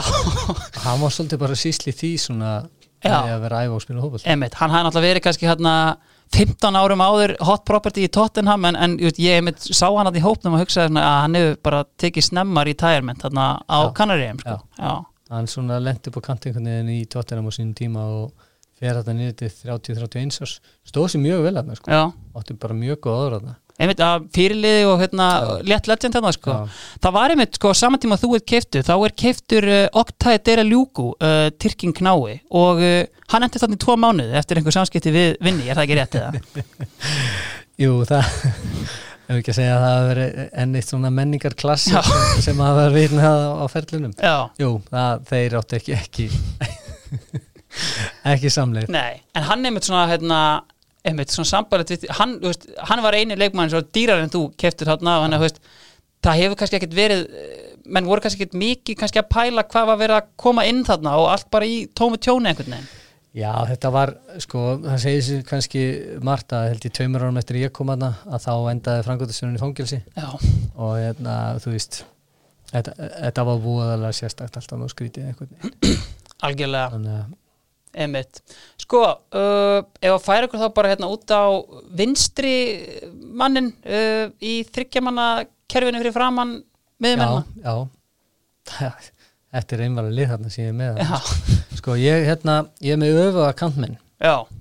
og, og ég seti Bjarka Gunnlaugsson þarna vinstra megin. heldur betur Sko, við töluðum um What If sáðan með Sigga Jóns uh, Er þetta einhvern veginn svona sambarlegt bara svona gæi sem einhvern veginn didn't catch a break, bara þú veist út af meðslum og, og annað Algjörlega. Já, Ég, ég held að Bjarki sé klárasti, sem það, most intelligent fútbolur sem ég spilaði með. já, Ég er ekki að grínast sko. nei hann var bara á öðru lifan, hann sá leikin öðru en, en, en flestir og einmitt kannski þá bara svona sambarlegt þú veist, gaur sem var bara á undan sinni samtíð sem leikmaður sko að því að þú veist, físíkina vantar en þú veist, síðan bara, þú veist, 2012 39 ára bara sem einhver Andrea Pirlo hérna í, í eftir deild sko, þú veist, sem hann hafði í rauninni kannski aldrei fengið tækifæra á að, að sína Nei, nei, sko, ég, ég man ekki hvort að Björk átti að vera 28 þá þannig að hætti fótbalt út Já. af mjög, mjöðminni og eitthvað slít Komin í deigluna þarna. Já, og bara eitthvað sko þú veist, þannig að það er núna magla, magna með hans meðsla sögu og, og skrokk hvað hann endist í að spila lengi og, og það vel sko Já, einmitt Sko, uh, uh, uh, ég er með hérna uh, segvein inn í Preston Já. uh, Spilaðu þetta báðið með Preston uh, Þarna kemur sko, uh, þarna er við þarna ertu aftur komin til Las Palmas eftir að hérna, hafa verið í Darby þarna, meðinu það á eftir og Moisarinn svona kannski leysir þig úr prísundinni þar Já, Mois var, var einn af þessi reynda að fá mig þegar ég var í geng Já, en hann átti ekki sens að, að borga vermiðan sem var á mig þar mhm, Þannig að hann fylgdist alltaf með mér og Kenny Moyes sem er Íslands vinnur og, og, og bróður hans, já, umbásmaður hans lít, hann hafði alltaf haft svona, þú veist, augast að reyna að nappa mér og sá þannig að tækifæri sem að bara nýttist okkur báðum vel mhm, og, og hérna, og hann svona bjarkir þarna hætta í aðdurum minn skútum Já. meðslum. Þannig að, að Moyesarinn stekkur á þetta og tekur mig yfir og segir bara að hann ætli bara að koma mér róli í þetta og allt það og, og sem hann gerir, nema að hann tók bara, þú veist, stökki sitt já, akkurat þarna sko já og þá var mínum ferli í prestum loki Já, en svona einmitt að því að það sem að gerist sko, þú veist, þú kemur hann í janúarglöganum og þú ert náttúrulega bara búin að vera í fristikistunni með Robert Jarni hérna uh, allt haustið, þú veist, þannig að þú veist, ég tók einmitt eftir, ég veist, þetta er ekki margir leikir í byrjunilegi, svona, þú veist, koma inn á og hérna, hver tekur síðan við þarna af Móisarunum? á markmannstjálfarinn Já, það var svolítið standandinn bara. já hann bara einhvern veginn hann búin að vera hann lengi og markmannstjálfarinn tók við og svo sagði hann við mig kallaði mig brá og bara eh, líka mjög vel við þig og þú ert búin að standaði frábælega og, og hérna og þú veist ég er alveg sammála mæsarunum að þú sétt framtíða leikmaði fyrir okkur en, en ef ég fæ stöðuna þá ætla ég ekki að kaupa þig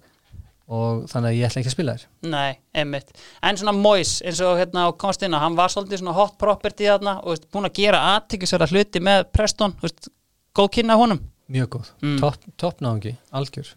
og þess að fyndi maður er búin, ég er búin að hitta hann svona nokkru sunnum bara svona á förnum vegi Já. EM og HM og eitthvað svona að hérna, al algjör toppnáðungi, en hann svona veikleiki var uh, ákvörðanfælinni sé ég, Já, þú veist, þegar hann var í Preston þá var það svona típist, hann tók einhvern leikmann eins og, ef hann gat eins og mig, á lán og kifti það svo, mm, fór til Evertón og það- það system gekk upp, þú veist, að vera að taka menn inn, kaupa og svo eftir að hafa skoðaði tvo, þrjá, mánuði, þegar hann vildi kynnast karakterunum sem bjó, bjó já, já, emmitt Uh, svo fyrir hann til United og það system virkar ekki til United Nei, þú ert bara að kaupa stórumennin alls saman hvort þið líkar vel eða illa við þá og þau plumast ekki á hendur þeim og tekur næsta já, hann var ekki, ekki þar sko svona maður verkefna kannski einhvern veginn að, Ah, já, hann, þetta er bara, þú veist allána, ég, ég hugsaði þarna á þessum tímum að, að þegar að fer þarna, þú veist, jú einhvern veginn, vona stjarnan og sér alveg svergu, svona pikkar hann og eitthvað svona uh, ef hann, ég hugsaði bara, ef hann, ef hann breytir ekki því sem hann hefur gert síðastliðin 15 ár, mm, þá mun hann ekki meika þetta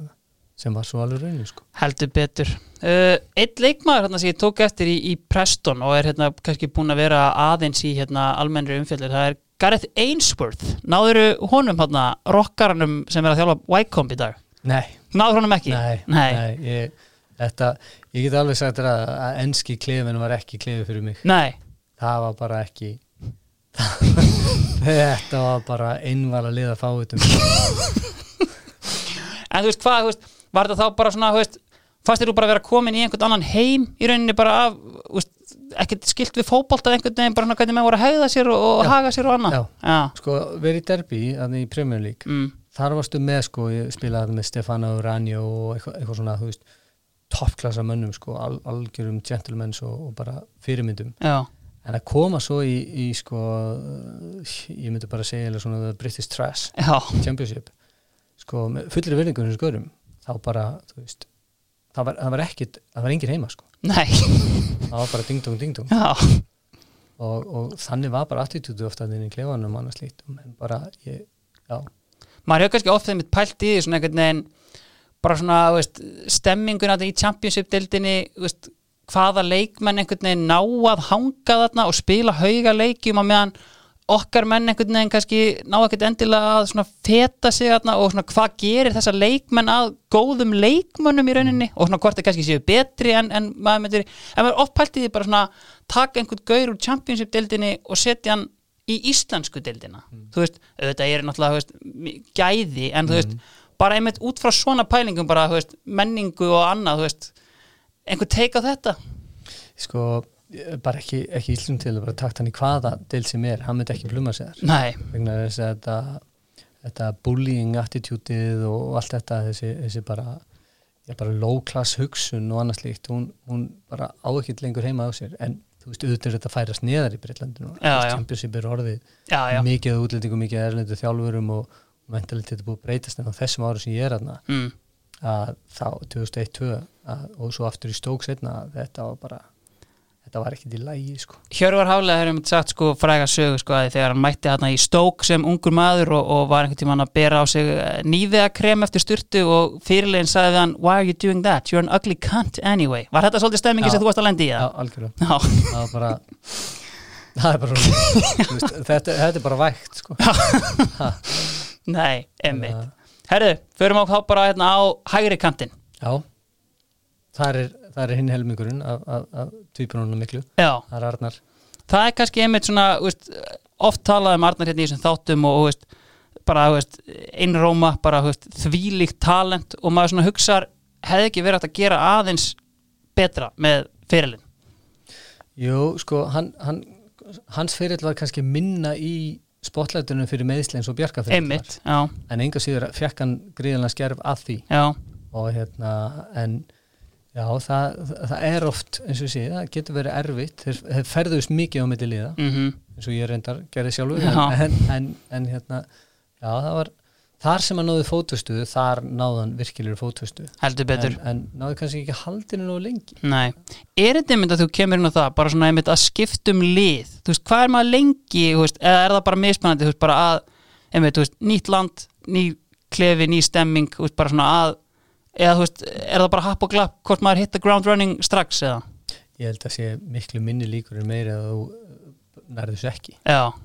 eftir á ekki að er það, er það svoleiðis mhm, ég, ég man ekki hvort ég skipti 7-8 sunnum lið á ferlinum og ég fór alltaf á milli landa já ég skipti aldrei innanlands mhm, og bara það að fara á milli landa þessi kultúrbreyting og allt það hafði gríðanlega áhrif, miklu meira áhrif á mann heldur en maður gerði. mhm, Það smallið á mér sko bæði því ég kom til Þýskalands og, og, og svo til Belgíu, svo aftur því ég kom til Þýskalands að því að þá er ég bara farin í sem aðstæðar aftur, mhm en það gerði ekki á Spáni og alls ekki í Englandi. Nei, emmitt. Sko Arnar tekt hann auðvitað lengi og, og svona með hvernig leikmaður hann og bara hvernig hann hefur líst sjálfum sér sem fótboltamanni svona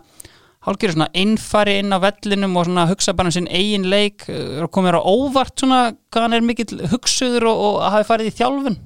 Alls ekki, Nei, alls ekki. Það sem, hérna, uh, ég náttúrulega kynnist þeim sko sem þjálfurinn 2006 Mhm. og svo 2008 upp á skaga. mm og hérna maður sá sko það sem var svo erfitt fyrir þá að skilja það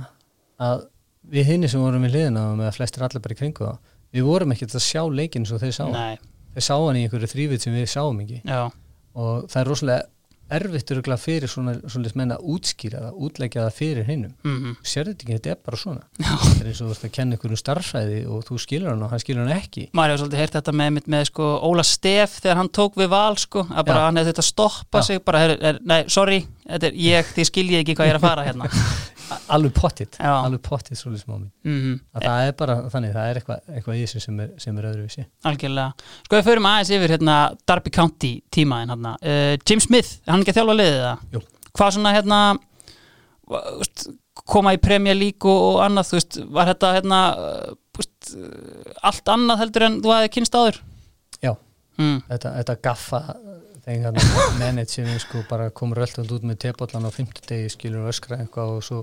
var það eina sem sá sko Já, Þa, það var mjög skrítið að mm. vera með sko þjálfara sem var það Colin Todd já, sem einhvern veginn svona var eh, assistant manager og svo þjálfara já, þetta var mjög, þetta var mjög svona skríti fyrirkomulega að koma inn í ég vera, vera viðurkenna það alveg sko. mm en þegar þú náðir inn á það þá, þá meika þetta alveg sens og þú skildir út að hvað þetta gekk og hvernig þetta funkar eða Mm-hmm. að þá, þá er þetta alveg gott ég hefði gert að vilja vera áfram í derby sko. Þetta er einmitt hérna, kemur inn að þarna náttúrulega Taribo West predikar og þið vinnið á Old Trafford og The Great Escape, Derby heldur sér uppi Úst, voru engin möguleikar á að því Jim Smith heldur áfram með liðið ef það ekki, en þú veist, hvað svona fjall upp fyrir að þú værir áfram hana uh, hluta til umbásmanns klúður Já, það var svona Jim Smith og mikið gentleman svona heiðismæður mm, og hann taldi sig hafa sem sagt, uh, haft sem sagt, ég samti sjálfur við og það var einhver umbúsmenn sem voru með einhverja milligöngu að það, já, en ég sá alveg mína hlið sjálfur uh, hann sagðist hafa gert einhvað gentleman agreement við umbúsmennin um það að, að hann fengi exclusive, exclusive rights að, að bara kaupin með sömur kaupa mig já. bara á og eiga mig skiluru mm, en umbúsmennin náttúrulega í sinni ég veit ekki, græki skulum við segja Já, var farin að pizza mig Anna víða Já, og tóttina var komið mjög stert inn í þetta myndina og, og, og hann heyrir af því og þá bara þá var nógu bekki á honum sko. Og hann sagði það bara sko já En Þannig að- það sem gerist náttúrulega síðan er að þú fær náttúrulega enga sölu síðan í kjálfur og bara væntalega ekkert sérstaklega ánægð með það að þurfa að henda þér aftur til Kanari hana. Nei, sko, þeir eh, selja mig á hvað 2,5 miljónir, eða kaupa mig á 2,5 miljónir efra mm Mhm. Las Palmas Já, þeir voru bara fastir í því þeir ætla að fá þá upp að tilbaka já og, hérna- og ekkert búin að spila þér og ekkert búin að spila Nei. mér og þú veist ég næ einhverjum 9-10 leikjum að þið premjum líka en flestir af bekknum já, ekki, ekki byrjunarliði mm, og það er enginn að fara að kaupa þú veist, þannig leikmann á þessar uppæðir á þessum tíma. mm Þannig að það var alveg sko, það var holnisklið og belgisklið og annars líkt þísklið sem komið á borðinu á þessu, þetta sumari og skandinavisklið. Master City, koma þeir ekki að borðinu líka Sko, það var eitt af þessum liðið sem maður maður heyrði bara af. Já. Ég var aldrei neitt einhvað, það var ekkert meir en, meir en það. Sitt Nei. var þannig í, í Championship já, og hérna, þannig að, að það var ekki, það var ekki einhvern veginn sem kom upp, nei, skulum við segja. nei, einmitt en, nákvæmlega, en svo bara frísi inni Já. og, og hérna, enda bara þú veist, skokka í garðinu með, með jarni að, hérna, þá er þetta orðið mjög erfitt mm og þá svona sleppi í gegnum tengsl inn, inn í móisin svo við komum inn á aðan einmitt sko, er þetta ekki að því að á þessum árum, þú veist, þú ættir að vera toppa sem fótboltamaður þú veist, er mikil svona eftirsjá í þér þú veist, einhvern veginn að þessi ár hafi farið í þetta, eða þú veist, horfur svona almennt bara tilbaka að freka sáttur ég hóru mjög sáttu tilbaka já, ég tel mig að hafa náð út úr ferlunum mínum rosalega miklu en ég gerði það líka minnhátt mm, þannig að ég átti mjög erfitt með að tróða á öðrum til að koma sjálfum mér áfram já, já og það, þannig er ég bara í lífinu mm, en, en hérna, þannig að ég horfi sáttu tilbaka en það er fullt af mistökum en það, já, hellingur Algjörlega. reynsluleysi, hégómi þú veist, bara name it þá gerði maður þessi mistök Já, emmitt. Sko talandi um Arnar Gunnlaugsson, uh, við erum í bóði Sútep Reykjavík, uh, þeir eru auðvitað með langbæstu jakkafötin uh, á landinu, sérsniðið og, uh, eða sérsniðin og líka náttúrulega hægt að kaupa bara tilbúð á lagurinn ef maður er í, ef maður er í brasi og þóruðu þeir hafa verið svona að spurja út í verst klættu leikmennina sem að menn kynntust á ferlinum. Var einhver leikmaður sem kom upp í hugan þegar ég spyrði þessu? já, ö- ö, komu rosalega margir og, og hérna, ég var alveg svona ég tel mig vera fordóma lausan mann Já, já, en ég fór beint í fordómana já, af því ég fór að tala um Söndi Ólisi eða Tarip og Vest eða Fights Hasemian Eh. Já. þessar sem eru frá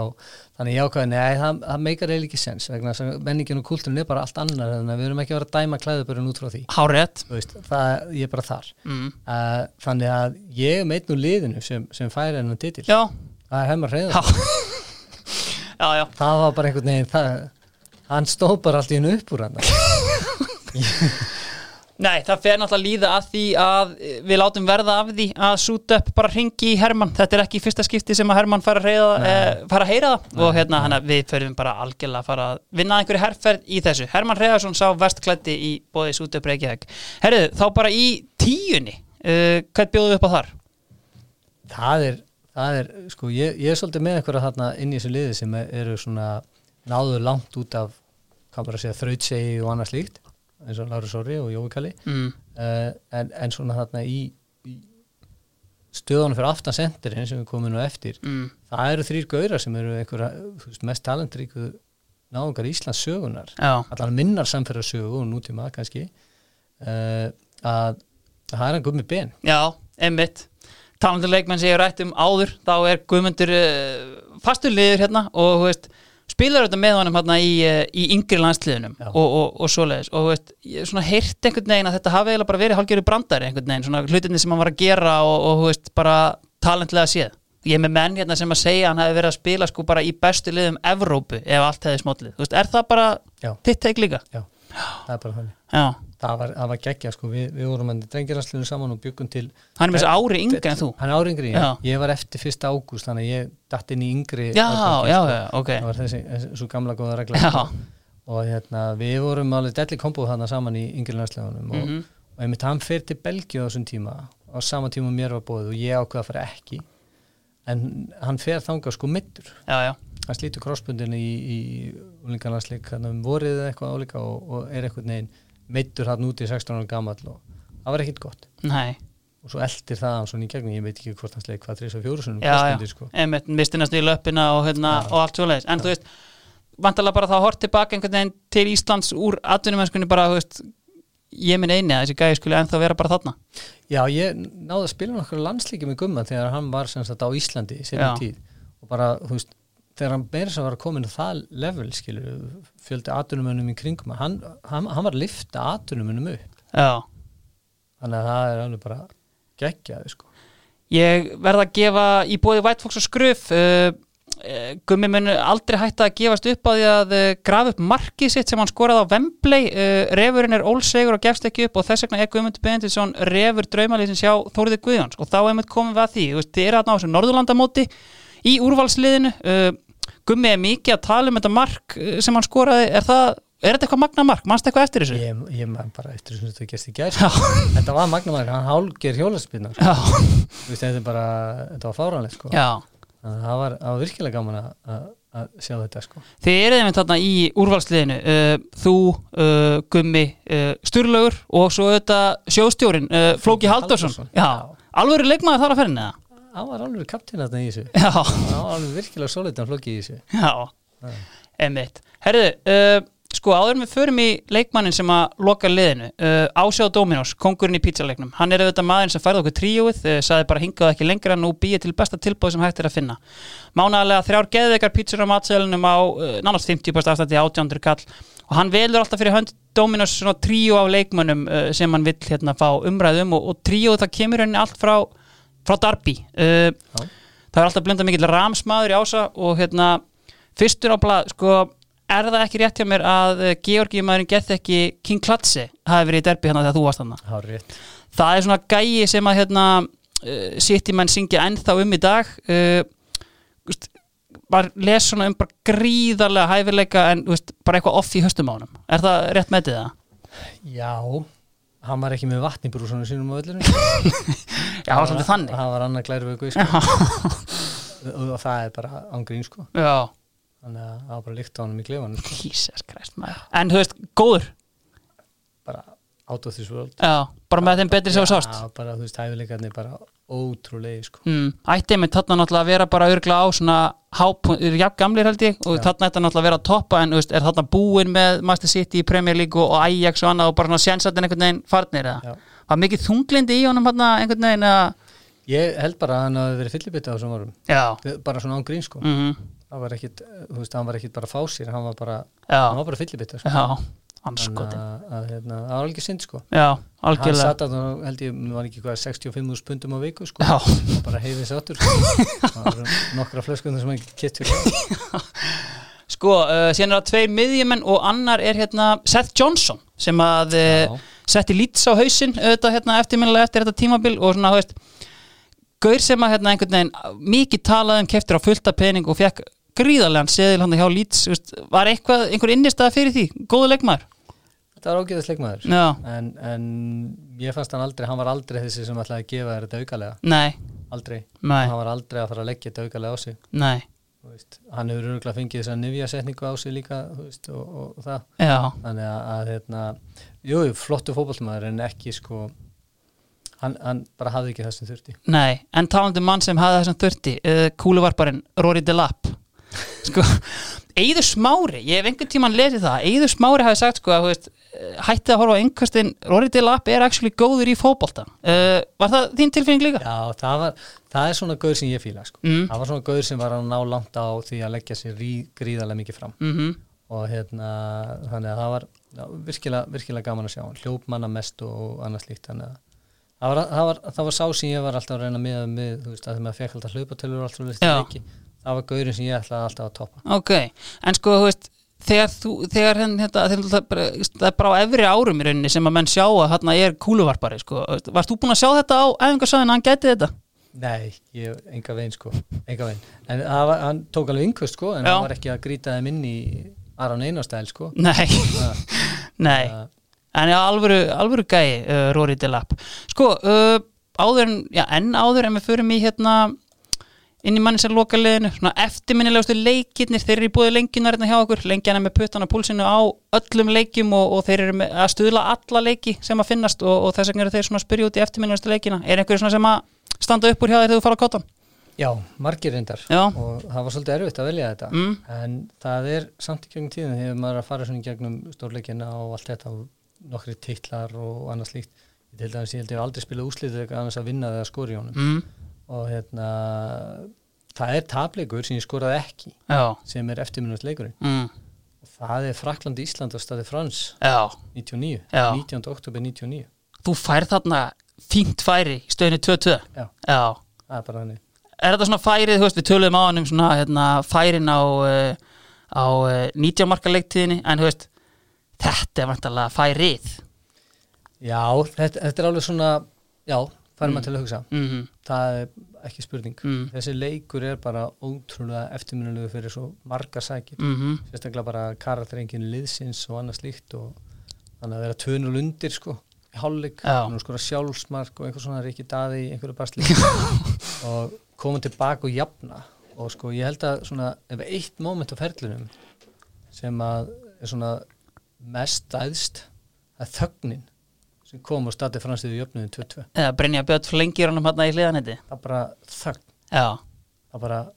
sko, 8, 78 árs frakkar voru búin að vera að tralla sko, lu, blu, lu, blu, Já. og alveg, sko, uh, og bara þögn og mér er að segja, 2000 íslendingarnir sem voru þarna þeir föttu þetta ekki svo þegar þú heyrir í þeim þá einhvern veginn kom bara gæsa húfin fram á þeir á vellinum og já magna en þetta er einmitt sko, þú veist að þú segja, þetta, þetta er náttúrulega magnað en þú veist, við töpum náttúrulega leiknum og finnast er náttúrulega fyrirsögn DFF er stórbrotið bara með stærstu stöðum sem maður hefur séð sko en Ísland tapaði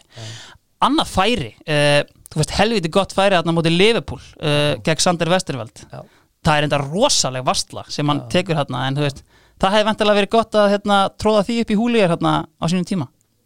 Já, sko, ég átti ekki sögsóttu húlir og húlir átti sögsóttu mig, sko það var ég sem klúðraði því Já. en jú, það, er- það var alveg magnað 80.000 einhver mínútu að, að, að hérna, vera næstu búin að skora sigumarki mútið Leifupúl Já. á Anfield, liðið mitt, sko já, þannig að, að það, er, það er það færi það er færið á móti Barcelona og svo ég lít nú ekki á þess að klúður á móti Frakland en en það hefði verið gaman að sjá hann færi Já. nýtti sko. en þú veist, síðan kannski hérna, ef förum bara aðeins yfir landslýsferilinn sko, þú veist, það sem að ég pæli svona aðeins í þegar ég hérna líti yfir þessa leiki hjá þér og annað, þú veist, þetta er, þetta er haugur að leikjum hérna 2004 sem þú spilar og hérna þetta er svolítið svona abrupt endir einhvern veginn á, á landslýsferilnum var þetta eitthvað svona, þú veist fannst þér eitthvað svona kasta til hliðar eða eitthvað svoleiðis svona á þessum tíma eða, eða þú veist, var þetta bara hérna þinn tími komin einhvern veginn sko, þetta var mjög svekkjandi endi fyrir mig já, vegna þess að eins og ég kom inn á, inn á áður að sko, landsliði var einhvern veginn hjá mér, ég slefti fullt að leikjum sko, já, fyrir landsliði fórnaðu sætu mín í liðunum erlendis og annað slíkt mm Eh, þannig að þú veist, auðvitað átti ekkert inni hjá landsliðinu skilur, þú ert að gefa landi og þjóð eitthvað af þér já uh, ég tek sko, ég fer frá Bochum sem sagt í janúar 2005 til þess að reyna að halda mínu landslýsæti Mhm. fyrir tilstöðla Áskei Sigurvins Já, og fyrir til Stók sem var náttúrulega að fara úr öskun Nildin sko. já, en, en hérna þannig að, að, að það var mjög svekkjandi sem sagt að, að dett út úr landslinu á þennan hátt mm ég til dæmis, ég, ég, ég vissi ekki finnum bara fyrir nokkrum ára síðan hver síðasti landsleikurinn var nei, það kom inn á sem varamónu út í þrjú eitt tapum út í svíum mm, ég vissi ekki eins og ég að spila leikin Nei. ég var bara búin að loka því já, fattarðu? þannig að, að hérna, og það var bara eitthvað sem ég var að vinna með upp í síma sem að, sem að benti mér á en það er einmitt svona, þú veist, þeir eru náttúrulega svona kannski hæðir og læðir einhvern veginn, þú veist, menn þetta er haugur að mörgum út lengi vel, þú veist, áður en að gullkynslan kemur bara einn, einn markaðasti leikmaður landslýsins og annað, þú veist, hvernig svona lítur bara almennt tilbaka á, á landslýsferðinu, var þetta alltaf jafn gaman og hérna, eða þú veist, einhverju erfiði tímar eða svoleiðis? Eh, svekkjandi kannski einhvern veginn að sjá til dæmis, eða grípar mér fyrir þér bara, þú veist árangurinn okkar í dag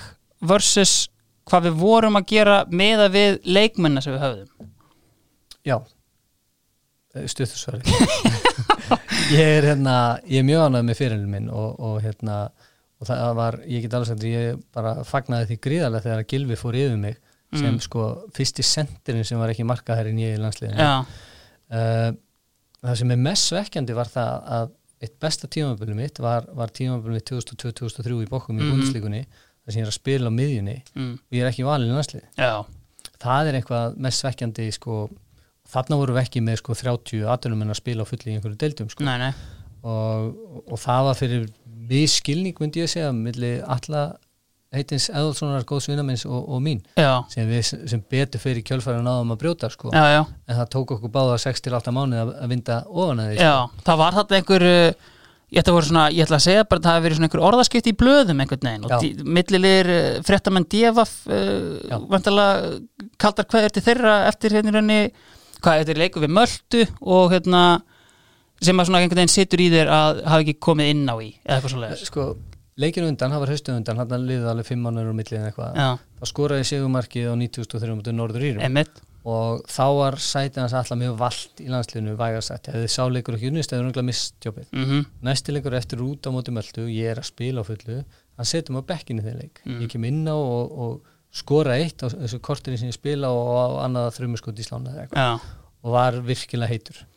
Svona, heitur út í hann og heitur bara þú veist, í, í formi líka já, og inn í klefa þá eru bara blaðamennin inn í klefa og þar segi ég bara, ég er bara virkilega mér finnst ég ekki að skila að vera í- á bekknum í þessu liði, mm -hmm. auðvitað er að diss við þá leikmenn sem voru inn á mm, og allir var ekki sáttu við það og náttúrulega ekki sáttu við það að ég voru gaggrinn á valið hans já, uh, Búlgaria strax í kjölfærið á Íslandi og ég er á bekknum þar og það er eini landslíkurinn, eina skitt sem ég var á bekknum landslík á hans að taka þátt já, Þannig að það er eina skipt sem ég var valið í landslið á öllu mínum ferli frá 89 til 2004 sem ég spilaði ekki leik sem ég var valið í. þetta er enda rosalegt start Já, já. en heldur vel gert sko, en þú veist, úst, það sem ég finn oft sko, og náttúrulega hefur mest verið talað um núna og var kannski svona hérna, tabú einhvern veginn en hefur verið opnað á í, í setni tíð þegar, þegar menn eins og þú eru kannski að koma hérna í, í álíka viðtöl það er að þú veist, núna eru menn loksins tilbúinir að svona tala um bara standardleysi og annað en, en þú veist, þegar ég var að garfa í þessu skilur og finn viðtöl við þig, það er þér tíðrætt um með mitt glórulausar flugferðir einhvern veginn mm. sem að menn þú veist, og þú veist, þetta er vantilega svona það sem að situr mest einhvern veginn í ykkur eða kannski svona eh, skortur kannski á aðkomu einhvern veginn hjá KSI til að þú veist, taka þátt í þessu og, og reyna Ég get alveg sagt það, ég er mjög stoltur að ég horfði tilbaka. Ég var í, í, í leikmanna ráðinu í landsliðinu mörg, mörg, mörg ár mm -hmm. og þetta var það sem ég var að berjast fyrir, þú veist, síniði smá, þú veist, tillitsemi. Mm -hmm. Ekki láta okkur fljúa sko fram og tilbaka um alla Evrópu til þess að enda sko hinum endanum í Evrópu af því að við, þið ákveði hvernig við um að fljúa og, og svo framins frá Já. og fullt af svona lítlum atriðum bara aðkomunni, aðkomuleysinu það var svo lítið sem þurfti til þess að sko lifti þessu aðeins upp Mm og svekkelsið og svo var þetta bara, já þetta er bara svona við Já. erum bara sett ykkur við það, það var ekkit svona Nei. það að leia fokkar friendship og fljúa tveimur fótboltaliðum með aðstandendu sko tróðið sko allan liðin til Sofíu Já. villilenda þrísvara leiðin og menn mæta þarna skakkir og skjaldir og, og veist, eða hestaflutninga vel til arminu veist, það- það var ekki til lægi það er einmitt svona leikur sem að hérna Armenjuleikurinn úti þarna, mm. er þetta ekki þegar við erum með frökkunum í riðli þarna, og, já, Frökkunum og rússunum og það er einmitt bara svona leikurinn það er leikurinn sem að þú veist hefði mögulega geta sett okkur í bara geggjaða stöðu og einmitt svona einmitt í kringum þannleik einmitt þú veist, eftir þú segir þetta bara hestaflutningavélin þetta er Mm. fyrsta skitt sem ég heyrti það en þú veist það var bara keisið þú veist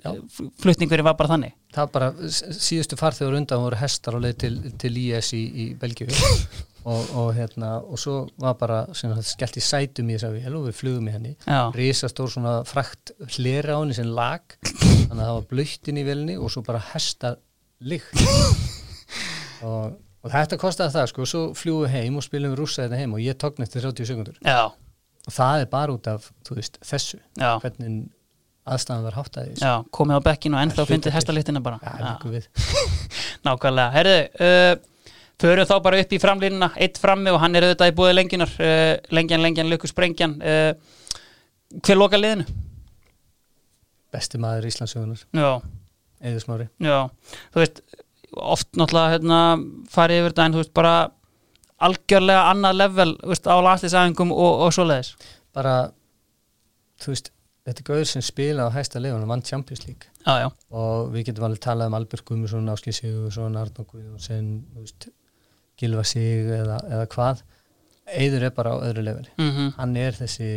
ofur, ofur stjarnar sem við þú veist, þetta- þetta þetta er svona Messi eða Ronaldo fyrir okkur já, já hann er bara þar sko. Hvernig svona, þú veist, bara sem típa í klefanum Þú veist, góðu gaur að hafa eða, þú veist, Var það lýjandi fyrir hann einhvern veginn að þú veist, vera þessi Messi eða Ronaldo hjá okkur? Já, ég, ég segi það að hefði Eyður